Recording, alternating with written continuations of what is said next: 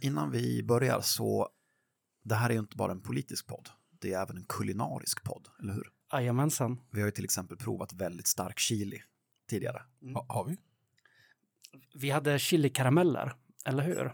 Med spökpeppar i. Var jag inte med? Eller Du kanske jag inte var det? med då? Ja, Nej. nej. Eh, Men jag har köpt någonting nytt. Leva Boost. Det saluförs som istället för energidryck. Eh, Det är Järba-baserat. Och så är det portionsförpackat som snus ungefär, fast det är helt eh, nikotinfritt. Och en sån här prilla ska vara tre gånger så mycket koffein som den där kongstrången som du håller i. Till exempel. Och nu ska vi testa i podden. Ja, självklart ska Mm. vi snusa leva under poddens gång. Jag knäcker upp en kongstång, jag lägger min eh, rapé-prilla åt sidan och är full, fylld av spänd förväntan. Jag sitter med en Kong Strong till höger och en kopp kaffe till vänster här som jag nyss hällt upp åt mig själv. Så jag är också redo. Eh, man får säga att paketet ser väldigt mycket ut som en sån här, vad heter sån fake eh, brass, eh, spice, med spice-paket. Det ska tala till lite spiciga ungdomar tror jag. Ja, också typ så här vetegräs som man kan köpa om man är lite så här hälsofreak. Mm. Det står att det är att räkna som ett kosttillskott. Ja, det, ingen stark smak omedelbart i alla fall. Det är jättemycket vitaminer och så blir man väldigt pigg. Luktar gott, smakar väldigt lite än så länge. Vi, får- vi får väl återkomma när, när det har saftat till sig en stund. Så får vi se vad jag har att säga om saken. Ofta väldigt okunnig de sakfrågor vi diskuterar. Mycket omoget intryck. De är stöddiga. De är otrevliga. De smäller i dörrar Это Коминтерн. Och de ljuger om oss.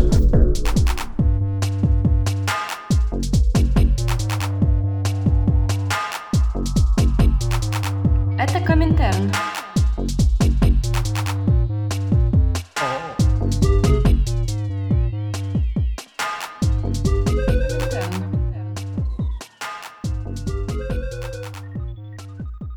Jaha, kära vänner. Patreon-podd. Tor är tyvärr inte i studion. Annars är vi fulltaliga. Ja, vi har spelat in, eh, fan höll vi på i två timmar, nästan eller? Ja, två timmar eh, riffraff-intervju. Just det, vi hade killarna från Riffraff-kollektivet här. Mm. Och sen klämde vi en kolgrillat mixtallrik. Så nu är man matt. Ska vi gå och eller? Hur är det med er?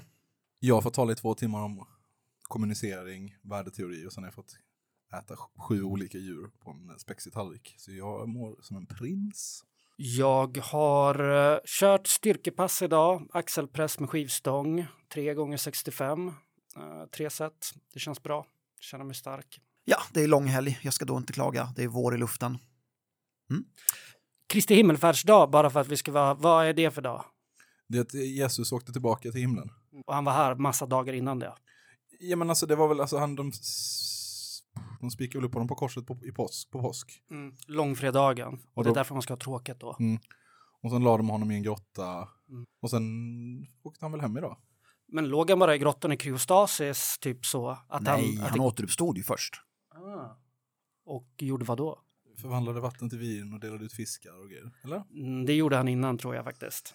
Nej, det här är inte en teologisk podd. Jesus gjorde nog sitt bästa och i vilken ordning är inte för oss att sia i. Det är ditt Patreon-avsnitt, Gaspar. Vad har du bestämt att vi ska prata om idag?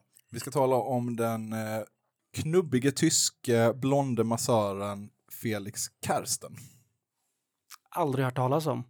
Det hade inte jag heller förrän jag eh, stötte på honom i eh, kapitlet Var Hitler svartkonstnär? I boken Okulta samband. Men Felix Karsten, det ska inte handla jättemycket om Felix Karsten, det är bara, det är bara en kul eh, litet, liten parentes. Felix Karsten då, eh, Himmlers massör, eh, okultist och knubbig massör. Han eh, hade fått undervisning i osteopati av en gåtfull kinesisk läkare vid namn Dr. Ko.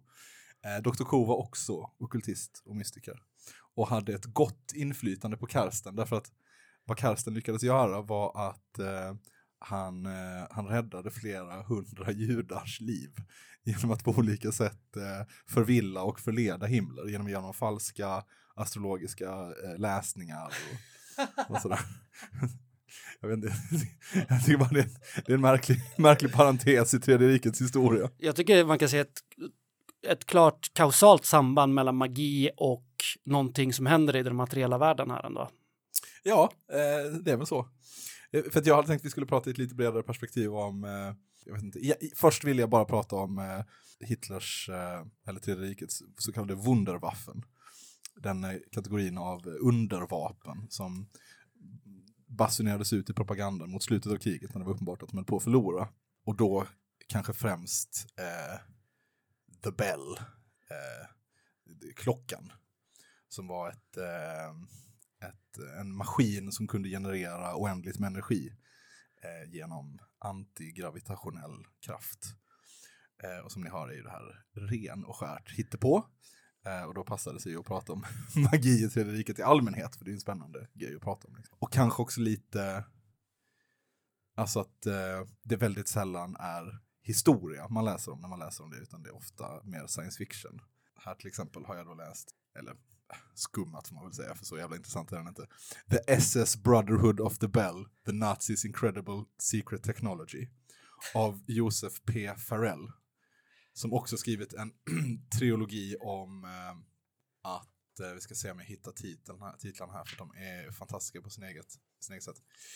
Eh, The Giza Death Star, The Giza Death Star Deployed och The Giza Death Star Destroyed.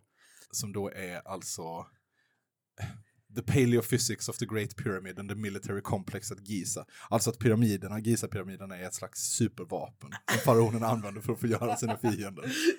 Men där är som författare som håller myten om The Bell för sann. Oh, oh ja, oh ja. Han, han ligger fram, han har som förgrundsfigur, eller vad han lutar sig väldigt mycket mot, är en polsk, och nu använder jag det här begreppet extremt eh, generöst, Polsk. polsk historiker som har, skrivit, som har liksom, eh, hittat någon slags dokument som då bevisar att den här klockan, de Kloche, eller vad, vad det tyska uttrycket är, eh, var en, en riktig grej.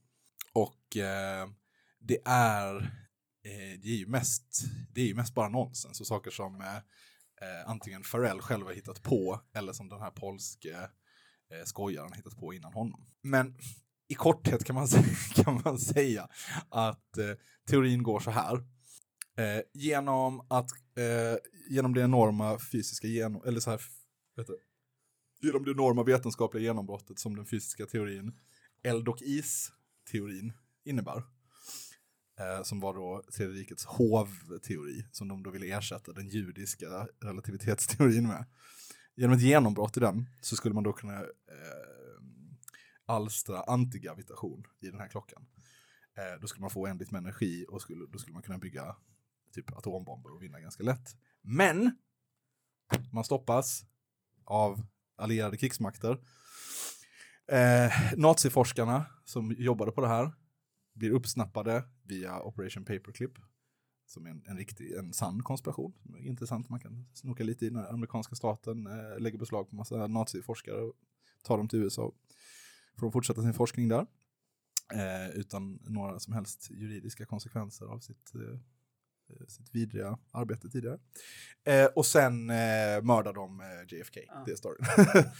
Men eh, var liksom den här eh, Eldouise, eh, eh, d- den Eldouisens on, on, ontologi, var den mer utformad än typ bara att allting egentligen består av olika former av eh, Eldouise? Fanns det liksom någon så här eh, grundläggande lagar som man kunde stipulera andra lagar på Mm. och Ja, eh, det, det finns två, det finns två eh, byggstenar i LOI-teorin. Den första är att eh, allting består av vatten, men i sin kosmiska form, som är is.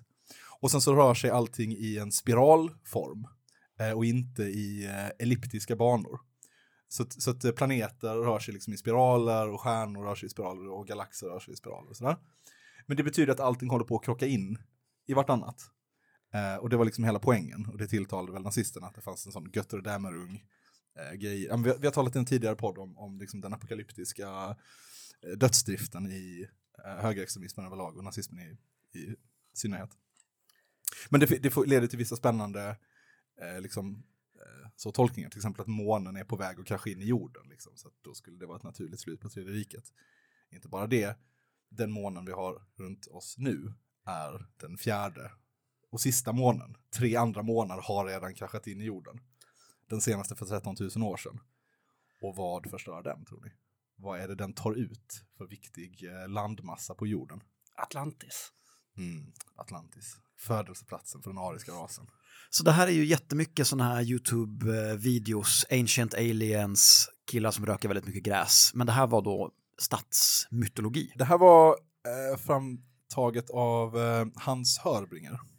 Han Som- som, letade efter Atlantis överallt. Oh ja. möjligtvis. Eh, Var i Peru, Bolivia, trodde att han hade hittat gamla civilisationer där. Ja, ja, ja. De sysslade med massa sådana saker. Eh, eh, åkte till eh, Antarktis, eh, de var fan vid typ Ale stenar och ritade av eh, Antarktis har mycket is. skitmycket is. Det måste varit fascinerande. Kolla här var mycket kosmiskt vatten, stod de nog och sa. Förlåt. Jag har bara en fråga om de spiraliska formerna, för är inte det typ sant? Att allt rör, alltså att eftersom vi faller neråt så är det elliptiska spiraler som rör sig av alla planeter. De rör sig inte runt, utan de rör sig neråt, neråt, neråt efter jordklotet, äh, efter solen som faller först.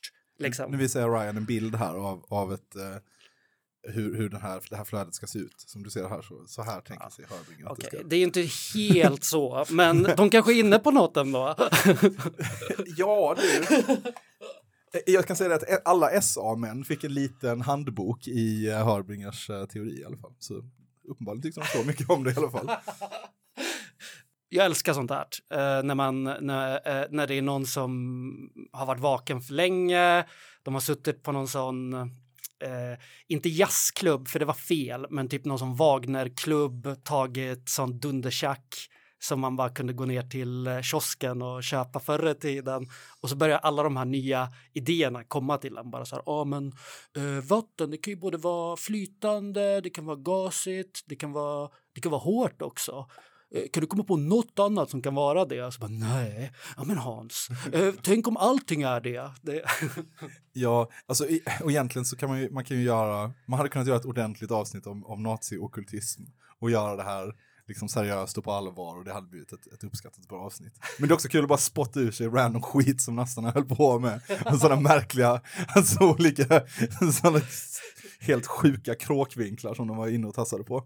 Men varför ville det här Brotherhood of the Bell mörda Kennedy? Varför var det vad de gjorde så fort de togs till USA? Alltså jag minns inte riktigt. Eh, ja men det, var väl någon jävla grej. Jo men alltså enligt eh, Josef Farrell så, just det, så här är det. Eh, alla ufo, jo, ja, det finns en ufo är en viktig del av det här. Alla ufo-sightings i USA är egentligen inte extraterrestrial utan terrestrial. Eh, alltså att det är, det är flygande farkoster byggda på jorden av jordlingar. Ah, ja, ja, hemlig militär teknologi. Exakt. Eh, den här, all den här ufo-teknologin kommer ursprungligen från The Bell, alltså från, från dödsklockan.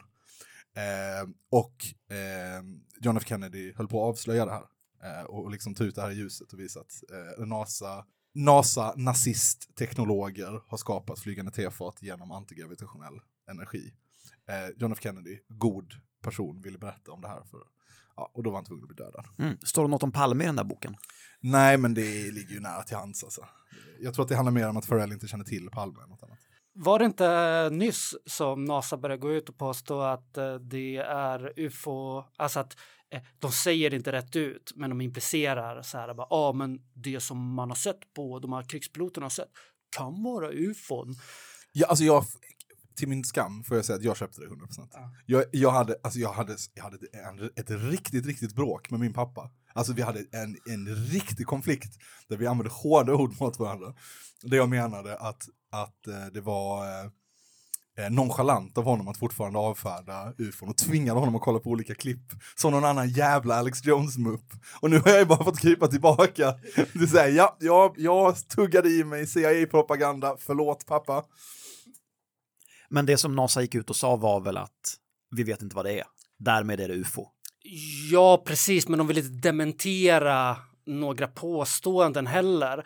Och det stödjer ju teorin om att det kan vara jordbyggda ufon De som man ser. Och de vill bara säga nej, nej, nej, de är inte från jorden, de är från yttre rymden för att skydda sin The Bell-teknologi som de har. Alltså jag tycker, jag, allt det där är bara olika nivåer av, av dim, ridåer och, eh, och hittepå.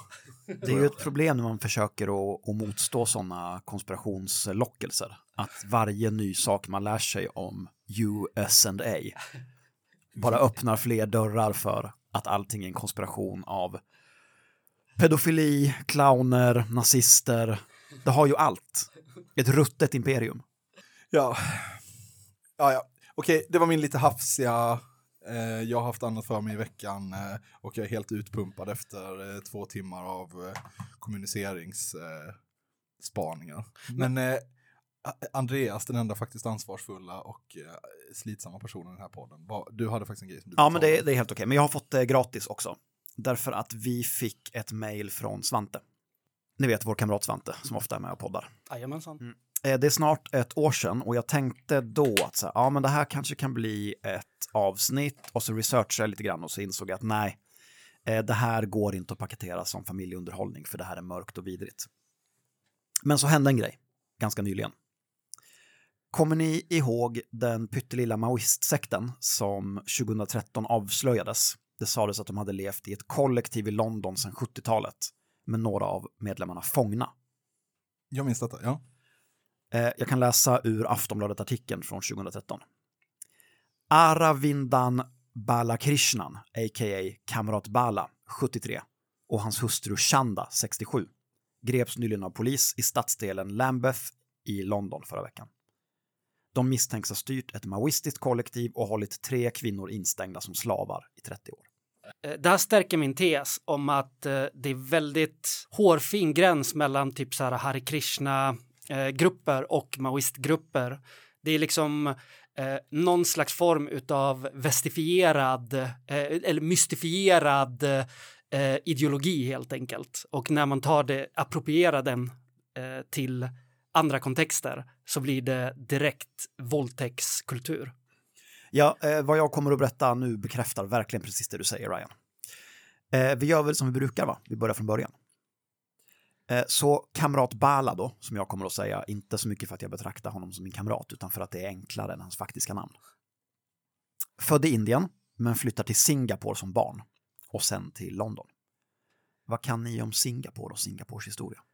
Eh, Många kineser, det är väl typ kinesiskt. Alltså det är en gammal kinesisk koloni och det bor fortfarande asmycket kineser där.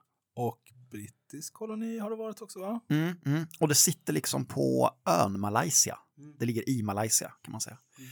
Jag tänkte direkt på Indonesien som också ligger i regionen som ju har en jätteintressant historia.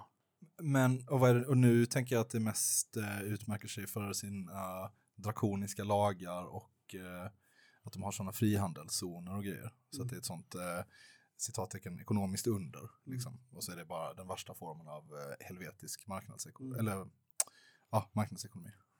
Eh, Men det var en brittisk koloni, ockuperades av Japan under andra världskriget. Och efter kriget så utbröt ett inbördeskrig mellan den kommunistiska gerillan och brittiska trupper som ville fortsätta behålla makten över Singapore. Landet fick sin självständighet 1960, men gerillakriget fortsatte mer eller mindre till 89. Och då får de inte stöd, eller vi vet inte om de var Sovjettrogna eller maoister eller vilken, var gerillan stod politiskt. Eh, Jag tror att influenserna och det materiella stödet kom från Kina. Eh, Men så kamrat Bala bor i London som ung och engagerar sig kommunistiskt tillsammans med andra singaporianer i exil. Och här någonstans dyker han upp första gången i de brittiska myndigheternas papper. Därför att de håller ögonen på honom då de tror att han och hans krets planerar att avrätta den första presidenten i det självständiga Singapore på 60-talet. Det blev alltså inte en kommunistisk gerillapresident utan det blev någon slags så mild självständighets eh, goda relationer med det brittiska kungahuset och så vidare. Han och hans krets blir medlemmar i Communist Party of England men utesluts på 70-talet. De anklagas för att vara splitters och konspiratörer. Balla säger själv att partiet styrs av socialfascister och imperialistagenter. Klassisk radda goa adjektiv att slänga fram och tillbaka sådär. Stämmer säkert också. Åt båda hållen möjligen. Eh, Men han gör sedan vad vem som helst av oss hade gjort efter en sån här oförrätt. Han sätter upp en egen organisation, han kallar den för Workers Institute och han startar en tidning. South London Workers Bulletin. Och börjar försöka skapa sig en bas i proletära områden i södra London. Hur går det för honom då? Ja, alltså, eh, sist jag kollade så är ju Storbritannien en socialistisk republik och kamrat Bala är ledare och så. Ja, alltså du kan ju bestämma dig själv för vem du väljer att tro på, men om vi läser ur South London Workers Bulletin så skriver de så här. Initial work in and around Brixton began from about August 1974. Comrades were divided into squads and teams. Mass work is done in three specific areas in and around Brixton. Politically mobilizing working people with the proletarian revolutionary line of Chairman Mao is the main orientation. Detailed door to door work is done, street by street, on a daily basis. Thousands of working people are being, are being engaged in discussing, discussing the major issues facing mankind. Thoroughgoing political exposures of the real nature of the fascist state and its agents within the working class movement and within the community are being carried out. Blah, blah, blah, blah, blah. Mhm. The lines issued by our comrades, guided by Lenins teaching och så vidare. Det låter som ganska klassiskt stoff ändå, från sin tid och sin, eh, sin miljö och sådär. Än så länge ingenting att, att höja på ögonbrynen åt. Nej, eh, det går sådär. Att arbeta långsiktigt med att bygga förtroende och strukturer i ett område är svårt, tufft och ibland ganska tråkigt. Medlemmarna droppar av en efter en och som om inte det räckte så hände någonting 1976. Mao Zedong dör. Oj. Eh, gruppen vänder sig inåt, de bygger en bokhandel, The Mao Zedong Memorial Center. Och här är de alltid noga med att påpeka att det är världens faktiskt enda Mao Zedong Memorial Center. Och så flyttar de ihop 13 personer. Alltså, jag, jag kan tänka mig att det finns åtminstone 10 000 Mao Memorial Centers i Kina. Alltså, jag, jag skulle tro att kanske, kanske fler, kanske 20 000. De har väl till och med något ställe med hans... Är inte han också balsamerad och så? Eller är det bara Bra Lenin? fråga, ingen aning. För att jag menar, man vinner ju, man kommer ju, alltså man kan ju inte påstå att man är det enda autentiska när man inte har, när det finns ett ställe som har kroppen. Nej, det är sant. Mm. Eh, förlåt, sa jag 13 personer? Mm. Jag menar Bala och 12 kvinnor. Aha, okej. Nu tar det här en vändning. De har en väldigt strikt arbetsdelning i kollektivet. Sex personer förväntas hela tiden lönarbeta, medan sex personer förväntas göra revolutionärt arbete på heltid. Är det gratisarbete då eller? Eh, De har inte betalt för det, nej, precis. Eh, De får bara lämna lägenheten i par eftersom the fascist agents of the states är ute efter dem. Bala leder gruppen från kollektivet. Men när polisen i en raid 1978 stormar bokhandeln, då flippar det på riktigt. För det är här, det är då någonstans paranoian går upp i taket och eh, alla perspektiv, hur, alltså så klena de än var från början, verkligen kopplas loss från verkligheten. Eller? Ja, precis. Och det är också här man kan se alla olika sådana västerländska maoistgrupper. Det, det finns en punkt historiskt som är där på 70-talet där de sluter sig. Vissa blir då de här eh, före detta kommunisterna som är entreprenörer. Vissa blir rena rama sex sekter. Andra blir sådana rätt coola terrorgrupper liksom. Och nu så har vi det här, eh, ja, eh, vi får se. Vi får se vart det tar oss. Bala kräver att medlemmarna bryter kontakten med sina familjer. Det har ju aldrig slutat väl. Det är ingen sekt som någonsin har gjort så någonsin att man ska sluta prata med personer som inte är med i samma grupp som man själv. Eh, han uppfinner dessutom den religiösa figuren Jackie. Vekt namn på en religiös figur, men okej. Det är en akronym för Jehova, Allah, Christ, Krishna och Immortal Esvarant. Den mest powerful guden utav alla. Det är alla gudarna i en. Och genom sin egen helt unika kontakt med Jackie Alltså, varför är de alltid så här? Varför är de alltid exakt så här? Det är så jävla tråkigt. Ja, okej, fortsätt. Ja. så Bara kan... han, vänta, vänta, jag måste bara fråga. Bör han skaffa sig långt hår nu också? Eh, ja, han har nog ganska långt hår. Ja, och eh, eh, okej, jag- eh, tillåt mig gissa. Det finns väldigt strikta regler kring mat, sexualitet, sömn och eh, hur mycket man får eh, typ så röra vid varandra. Och kläder. Ja, allt det där naturligtvis. Mm. Men genom sin helt unika kontakt med Jackie så kan Bala så kan Bala kontrollera vem som lever och dör. Han kan styra och krossa regeringar hemifrån kollektivet. Han kan ändra väderleken och han kan läsa tankar. Han tar till exempel på sig att rymdsonden Challenger exploderade vid uppskjutningen. Kritiskt stöd, eller hur? Ja. Att Malaysias premiärminister dör och långt senare så ska han också erkänna att det var han som fick Jeremy Corbyn vald till ordförande för Labour. Snyggt. Bra jobbat. yes, sir. Och han uppmanar de vid det här laget kvarvarande fem kvinnliga medlemmarna att dricka hans sädesvätska eftersom den är livets elixir. Ja, men för helvete. Jag blir lite utmattad. Men, okej, vad var de påstådda effekterna av eh, livets elixir? Kom man närmare Jackie eller vad, vad, blev man starkare? Orkade man lyfta mer? Jag vet inte, men han har ju den här gruppen människor i en typ av grepp som inte är helt sunt eh, och friskt liksom. Det blir 80-tal och här vittnar medlemmarna senare om att de sexuella övergreppen börjar på riktigt. Och gränsen mellan vilka som bor i kollektivet och vilka som egentligen är fångar, den har liksom suddats ut vid det här laget permanent. Och det kommer de att göra för de kommande 30 åren. För det är ju det, för vad du nu beskrivit är ju bara en jävla dussinsekt. Liksom, sådana här växer ju som svampar i, eh, liksom, i skogen. Ja, den har ju inga politiska dimensioner eller Nej. aspekter överhuvudtaget längre. Nej, utan nu är det bara en, en kult liksom. Men, men det som är uppseendeväckande med det här är ju hur jävla länge det lyckades hålla igång. Ja, i en europeisk metropol 30 år. En av de fem kvarvarande medlemmarna faller mystiskt ut genom ett fönster och dör. Men förutom det så har de minimal kontakt med omvärlden. Till 2013. För då rymmer en medlem som har fötts i kollektivet, det som alltså är då Balas dotter, om vi bara tänker i rent biologiska termer.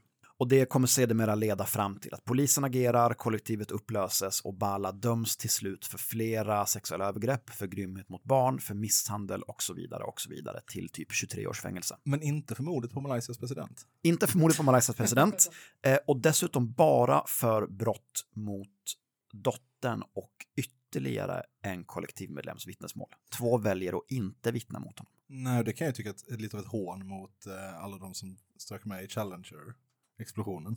Förtjänar inte deras familj upprättelse. Men, men, ja, sådan är kapitalismen. Och den växande antisemitismen i, i England så följde av Corbyns, Corbyns val också. Det kanske han borde ta ansvar över. Han kom undan billigt. Eh, och nu tänker ni att det här var väl slutet på den historien. Vi hoppades på det. Mhm. Men 2017 så börjar flygbladen i Brixton dyka upp igen. What? A cruel miscarriage of justice. Wow. What a privilege! My 40 years living with Comrade Bala have not only cured me from depression, but his groundbreaking revolutionary thinking helps me develop and enjoy life every day. This is what the British fascist government fears. Undertecknat hans hustru och other members of the collective. Och hur gamla är de här människorna nu? För Bala måste väl vara, vad, 70 år eller någonting? Ja. Jesus Christ. Det här är deprimerande. 1 maj 2021, nya flygblad. Och april 2022 så hände det som gjorde att jag ändå bestämde mig för att vi skulle göra det här lilla segmentet i alla fall. Balla dör i fängelse. Naturliga orsaker, det är inte så att han blir knivad. Eh, jag tror att, eh, att, okay, så, så, här, så att det finns en skogstokig liten hemsida som fortfarande uppdaterar om vet, Free Comrade Bala och justitiemordet på Comrade Bala och de menar såklart att Ja, men, och jag håller väl också med, essentiellt så är ju fängelse en typ av terror. Och så här. Ja, allt det som man utsattes för är ju såklart grymt och omänskligt, men det förändrar heller inte faktum. Att det är en 75-årig farbror vi talar om här. Som har ägnat sig åt eh, serievåldtäkter och hjärntvätt och den typen av liksom. Jo, jag menar, ja, ja, ja, ja han, han förtjänar väl att bli mördad liksom. Men eh, just sitta i fängelse när man är 75 år, det är inte konstigt att man trillar av pinn då. Liksom. Nej, covid tror jag eh, sägs det var det Ah, som tog okej. honom slut. Mm. Så Jack eh, kunde skydda mot allt utom det nya kinesiska viruset, helt enkelt. Hans kvarvarande anhängare, de vill gärna placera honom i samma fack som Assange. Mm. Alltså att det är eh, lösaktiga kvinnor som tillsammans med regeringen har konspirerat för att sätta honom i fängelse. Mm. Intressant för Assange, intressant för Bala kan man väl konstatera. Nej, det finns en sån misogyn aspekt, det är inte sant i något av fallen. Ja, det var väl typ vad jag hade i alla fall. Jag spanade in hemsidan, de uppdaterade någonting när han dog sådär, men det är ju antagligen två, tre eh, väldigt trasiga och förvirrade människor som håller den vid liv. Det skriker inte 20-tal direkt om jag säger så. Jag kan tänka mig det. Det var fan, ehm, det var mörkt, men jag kan inte säga att jag var förvånad över någonting. Det känns liksom som att det är den här riktningen det går när saker och ting eh, fragmenteras och eh, istället för att gruppen blir helt enkelt viktigare än den politiska kampen. Och det är ju jätte, det är väl klart att det blir så om man bara sitter i en lägenhet ihop och säkert stoppar i sig lite saker och Ja, och sen är det klart att slaskpressen blåser upp det här som kommunistisk sekt, liksom. men det har ju inte haft någonting med faktisk politik att göra sedan 70-talet. Utan det har ju mer tagit formen av någon slags eh, så här, ny religiös sekt. Jag måste ändå säga att jag gillar Jackie. Att det är en, uh, alltså att det är uh, en silver lining i det här. Att man har liksom, för att jag menar både Jave, det är ett powerful ord, uh, alla powerful och sen så får man en sån eh, rolig akronym. Det är typ som att man skulle, skulle typ ha så här supernatural, visha, energetic, eh, eh, non-cosmical eh, ma- materia och så är det Sven som är liksom ens... Eh, Jag Ja. försökte hinna, hinna med på din förkortning där, det blev inte Sven. Men Men vad då Jackie saknar väl språkrör på jorden nu? Det är up for grabs, tänker jag. måste bara få tag på eh, Ballas eh, säd och få direkt kontakt. den, borde, den, den kan inte vara helt lätt att få tag i i det här läget. Det tror jag inte, men den finns säkert där ute någonstans. Hur länge har vi pratat? Vi har inte pratat tillräckligt länge för att det ska vara schysst mot, mot våra, mot våra eh, eh, Patreons. Hur långt har vi pratat? Vi har pratat i 36 minuter. Vi håller inte, vi måste lägga en kvart till. och bestämma oss för en till? Eller ska vi bara- Jag ska bara läsa högt ur Ockulta samband i Tredje riket. Nej, men eh, kan vi inte bara hoppa in lite snabbt på, eh, det är ju någonting rätt mörkt som har hänt i USA nu igen. Bortsett för att vi hade en fascist eh, som gick, åkte 20 mil från där han bodde, uppsökte ett, eh, ett center, väldigt eh, segregerat, eh, bor svarta där helt enkelt, och sköt ihjäl 11 personer inne på, inne i den enda matvarubutiken i hela området. För det är tydligen jättevanligt i USA att matvaruaffärer lägger ner i segregerade områden så folk måste alltså åka ibland flera mil för att bara kunna komma åt mat helt enkelt. Just det, begreppet matöknar. Ja, exakt. Ehm, och det följdes ju nu för några dagar sedan av en eh, ung person som gick in och sköt ihjäl 20 barn, någonting sånt. Döda är det väl uppe i nu. Och allt det här är ju hemskt. Det är ju, eh, i USA handlar samtalet mycket kring eh, vapenlagarna, att det är där som man ser de stora problemen. Det är så lätt att få tag på vapen, det är inga background checks och eh, bla bla bla. Men vapenlobbyn har ju jättemycket inflytande där och betalar feta pengar till politikerna som helt enkelt vägrar inskränka på de här rättigheterna. Och det kommer till lite, lite förslag nu på hur man skulle kunna göra. Jag har i alla fall två förslag för att minska skolskjutningar. Vilka åtgärder man skulle kunna göra som kommer ifrån det då republikanska, det köpta eh, hållet. Har ni hört ta- talas om det någonting? Är det mer eh, roligt än bara typ k-pistar till alla lärare? Ja, Ja, det vet jag inte. Nej. Nej, jag vet inte heller. De brukar ju vilja göda sina kompisar i säkerhetsbolagen, alltså det ska finnas beväpnade vakter och sånt där Men utanför det skolor. fanns det ju på den här skolan också. Ja. Det fanns tre stycken snutar knutna till skolan. Eh, och en av dem var den som knäppte eh, massmördaren. liksom. efter en timme. Ja.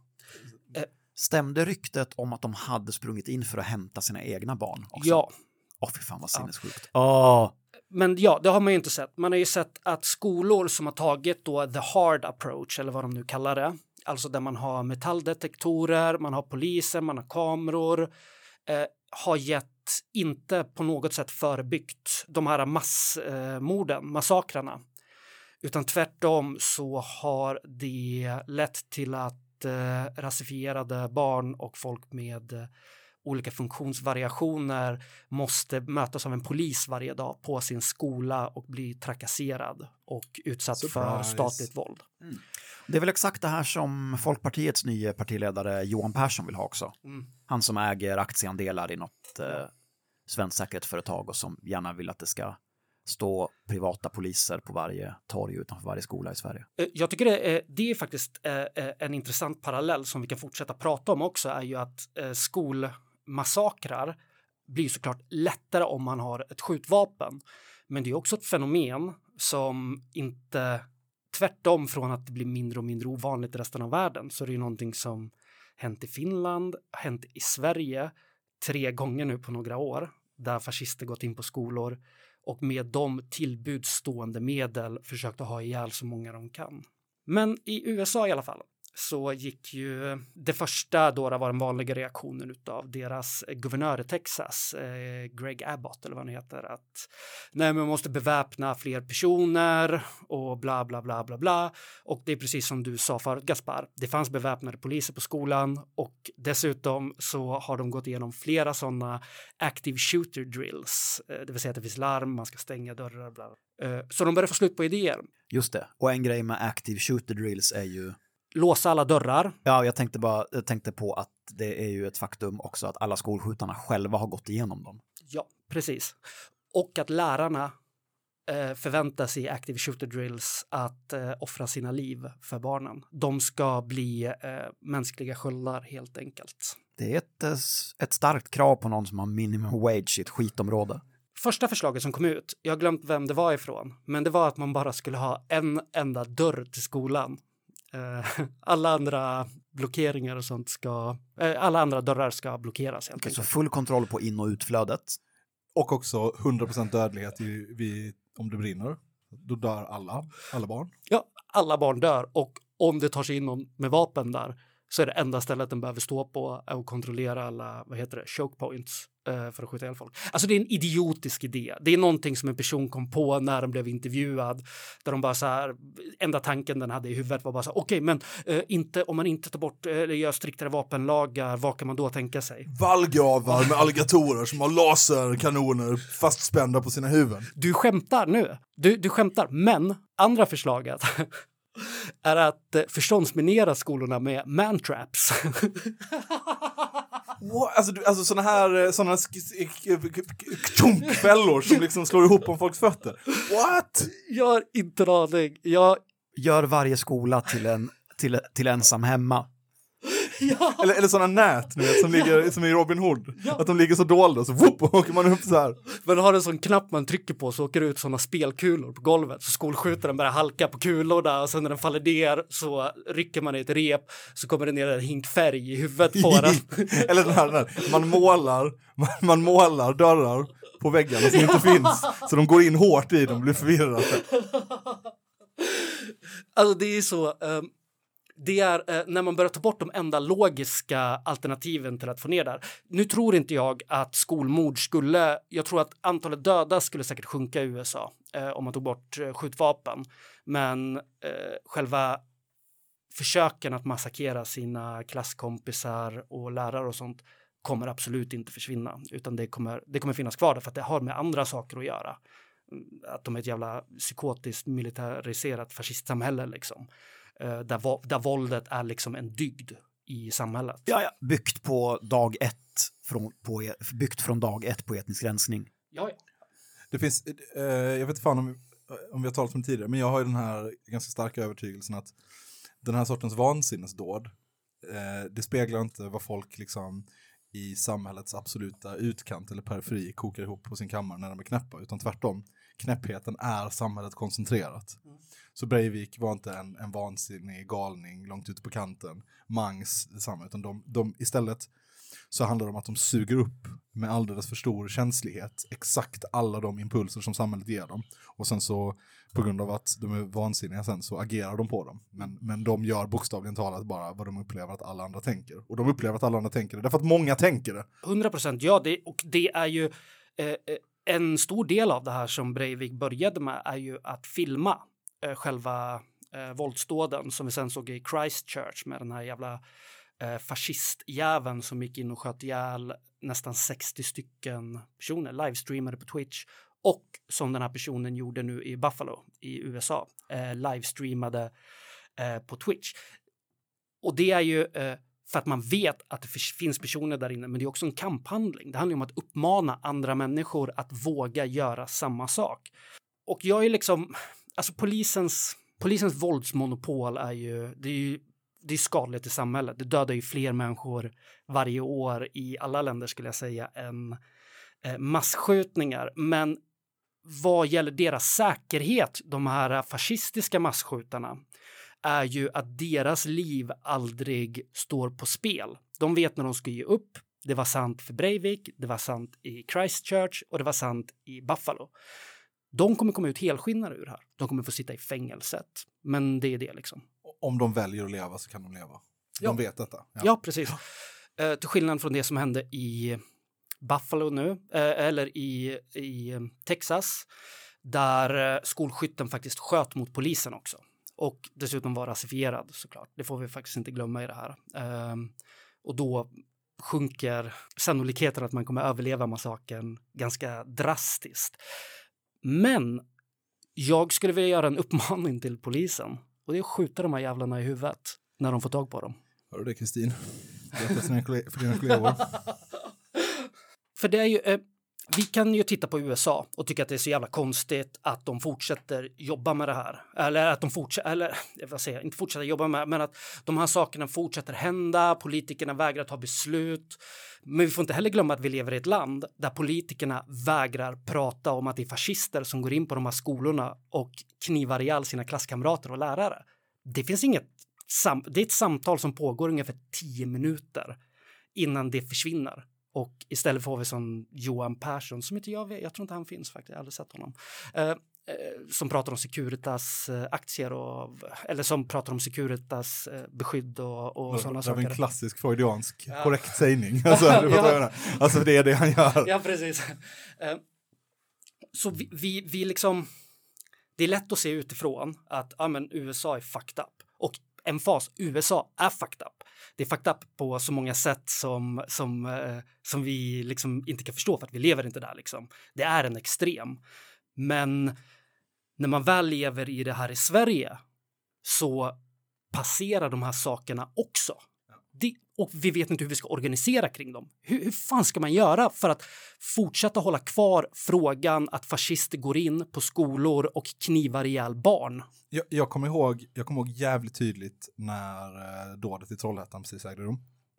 Och då satt jag i ett klassrum eh, med högstadieelever, eh, bara ett litet gäng. Eh, och så satt, såg jag det här poppa upp liksom på, på någon nyhetssida och så sa jag, berättade jag för dem vad som hade hänt liksom. Och vi satt verkligen och bara så här, ja men var helt skakade tillsammans liksom.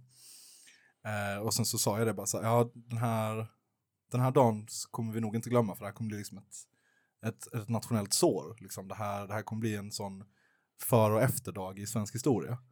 Fy fan vad fel jag hade. Fy fan vad fel jag hade. Tre veckor senare så var det helt bortglömt. Och du, är vet så, samma skola, eh, barn i mellanstadieålder, ritade eh, hälsningsbilder till offren för de som hade blivit mördade i terrorskjutningen på eh, den eh, eh biografen i Paris. Även om den, det hände tid, kronologiskt tidigare. Okej, superfint. Det är jättefint. Så är ju alltid barn. Liksom. De, visar, de har sån total solidaritet med alla liksom, levande varelser. Men det var ingen då som talade om det fruktansvärt, liksom lika fruktansvärda terrordådet som hade hänt liksom, eh, ett stenkast därifrån. Då. Och det är helt vansinnigt alltså. Mm. Ja, men den typen av chocker fungerar helt enkelt inte på det sättet som vi tror. Jag menar, Norge valde ju partiet som mer eller mindre födde Breivik till statsministerposten, vadå, två år senare. det, det är helt andra mekanismer som driver vad som är eh, vad media är intresserade av att hålla vid liv och vilka politiska frågor. Det, det, är, det är en politisk fråga, det är en fråga om politisk kamp. Vi, har, vi, vi, har, vi i vänstern har vissa saker som vi vill hålla levande och, och, och kämpa för och högern har andra. Liksom. Ja, och jag tänker också att det har att göra med att det är, faktiskt är, vi, jag tror att vi kan fälla omdömen som är mer klarsynta om saker som händer i till exempel USA eller eh, Paris eller vad det nu är. Att ja, men det är fucked up när terroristsaker händer där, det är så extremt och så. Men så fort det krävs någon slags form av introspektion, och nu menar inte jag att vi som svenskt folk har ett gemensamt medvetande, utan det jag menar är att vi som eh, bor i Sverige har en vardag. Eh, den påminner, det finns såklart alltså skillnader, men den påminner om varandra och sånt. Och då måste vi också börja bortförklara varför någon går in på en skola med en kniv. Så bara, nej men det kan ju inte varit så att det är som en person här, vem som helst. Det måste ju varit någon psykiskt sjuk person. Det måste ju varit, eh, det kan ju inte stämma för att det blir så, det blir så nära inpå att vi inte kan acceptera implikationen av att vi har galna fucking jävla fascister som bor mitt bland oss och kan döda våra barn, våra syskonbarn när som helst. Runt hur många middagsbord som det faktiskt sägs så här, ja ah, men alla jävla muslimer borde fan skjutas liksom. Ja. Hur många gånger per dag det uttalas hur många vanliga jävla middagsbord, hur många vanliga jävla villor liksom. Mm. Och att förr eller senare så sitter det en tonåring vid något av de borden och är så, ja ah, okej, säger farsan det då så, så Mm. är det väl så. För att inte tala om att de flesta politiska partierna utan att säga det utstrålade kvällspressen utstrålade. Det behöver ju inte alltid sägas. Och sen kan man gå online och spela Halo och så får man det vrålat i örat av något psykfall också om man spelar liksom på nätet. Alltså det är ju, det, det är ju, alltså på ett sätt är det konstigt att det inte händer mer liksom. Alltså, och det får man väl ändå säga att liksom, ja, man kan, så, jag tror jävligt många lärare och kuratorer och fritidspedagoger och elevassistenter där ute lägger in enormt mycket socialt arbete för att hålla eh, maskulint våld i schack i allmänhet och den här sortens utvävningar i synnerhet. Liksom. Och en av fascismens absoluta grundstenar är dessutom feghet. Ja, med de upplyftande orden. Ja. Eh, apropå feghet, jag läste eh, en artikel, AFAs artikel om skinnskallarna i Göteborg som bara försvann. Och eh, på en... Fan vad den artikeln var exakt vad man hade kunnat tänka Ja, sig. verkligen. Men, men samtidigt så måste det ju ändå vara att, att det här inte är 90-tals skinnskallar tycker jag märks av att splittringen skedde av att de åkte, någon åkte in i fängelse, det var lite droger och vad jag vet, NSF på 90-talet, tidigt 00-tal. Alla var inne i fängelse hela tiden, alla knarkade hela tiden. De splittrades inte, utan det som till slut ledde till splittringen var att eh, svartsjukedraman kring att rörelsens enda tjej, alla var kära i henne, alla hade blivit svikna av någon annan kamrat. Och här så sticker ju den här skinnskallegruppen ut, för att de hade inte, det fanns inte en tjej. Som, som, som splittrade dem. De förstörde sig själva. Ja, det blev ett lite kortare Patreon-avsnitt den här månaden. Men det, så är det ibland. Ja, Man kan ju säga att så här är det väl. Det blir ett lite kortare Patreon-avsnitt. Men det är också för att vi släpper nästan ett dubbelavsnitt om riffraff. Eh, så eh, ja, vi, ni, vi tänker väl oss att ni som är Patreons, eh, ni är inte de som vet så räknar varje gnidet öre, utan ni, ni, ni, blir, ni blir glada för vad ni får. Ja, de är förstående. Vi har haft lite möte idag också planerat storartade grejer, både för sommaren, senare, längre på framtiden. Det har talats merch och events, olika skojiga saker, så att hang in there. Och eh, till nästa gång, vi hörs. Det gör vi. Vad ska vi ha för uh, outro, Gaspar? Eh, eh, vilken låt? Ehm, ja du. eh, fašizmu. Smrt Смерть фашизму.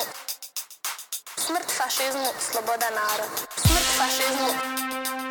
Смерть фашизму. Смерть фашизму. Смерть фашизму, слобода нара. Смерть фашизму, слобода нара. Смерть фашизму, слобода нара. Смерть фашизму. Смерть фашизму, слобода нара. Смерть фашизму.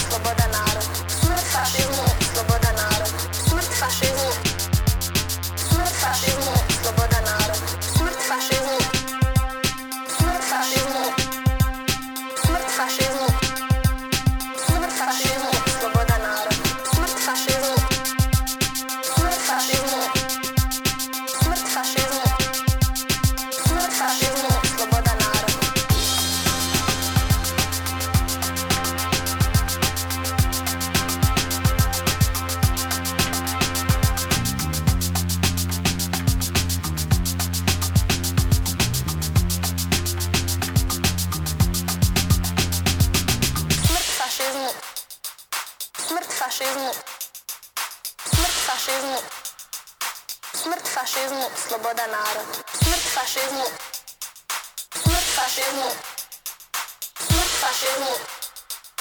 Смерть фашизму, свобода народу. Смерть фашизму, свобода народу. Смерть фашизму, свобода народу. Смерть фашизму. Смерть фашизму, свобода народу. Смерть фашизму, свобода народу. Смерть фашизму.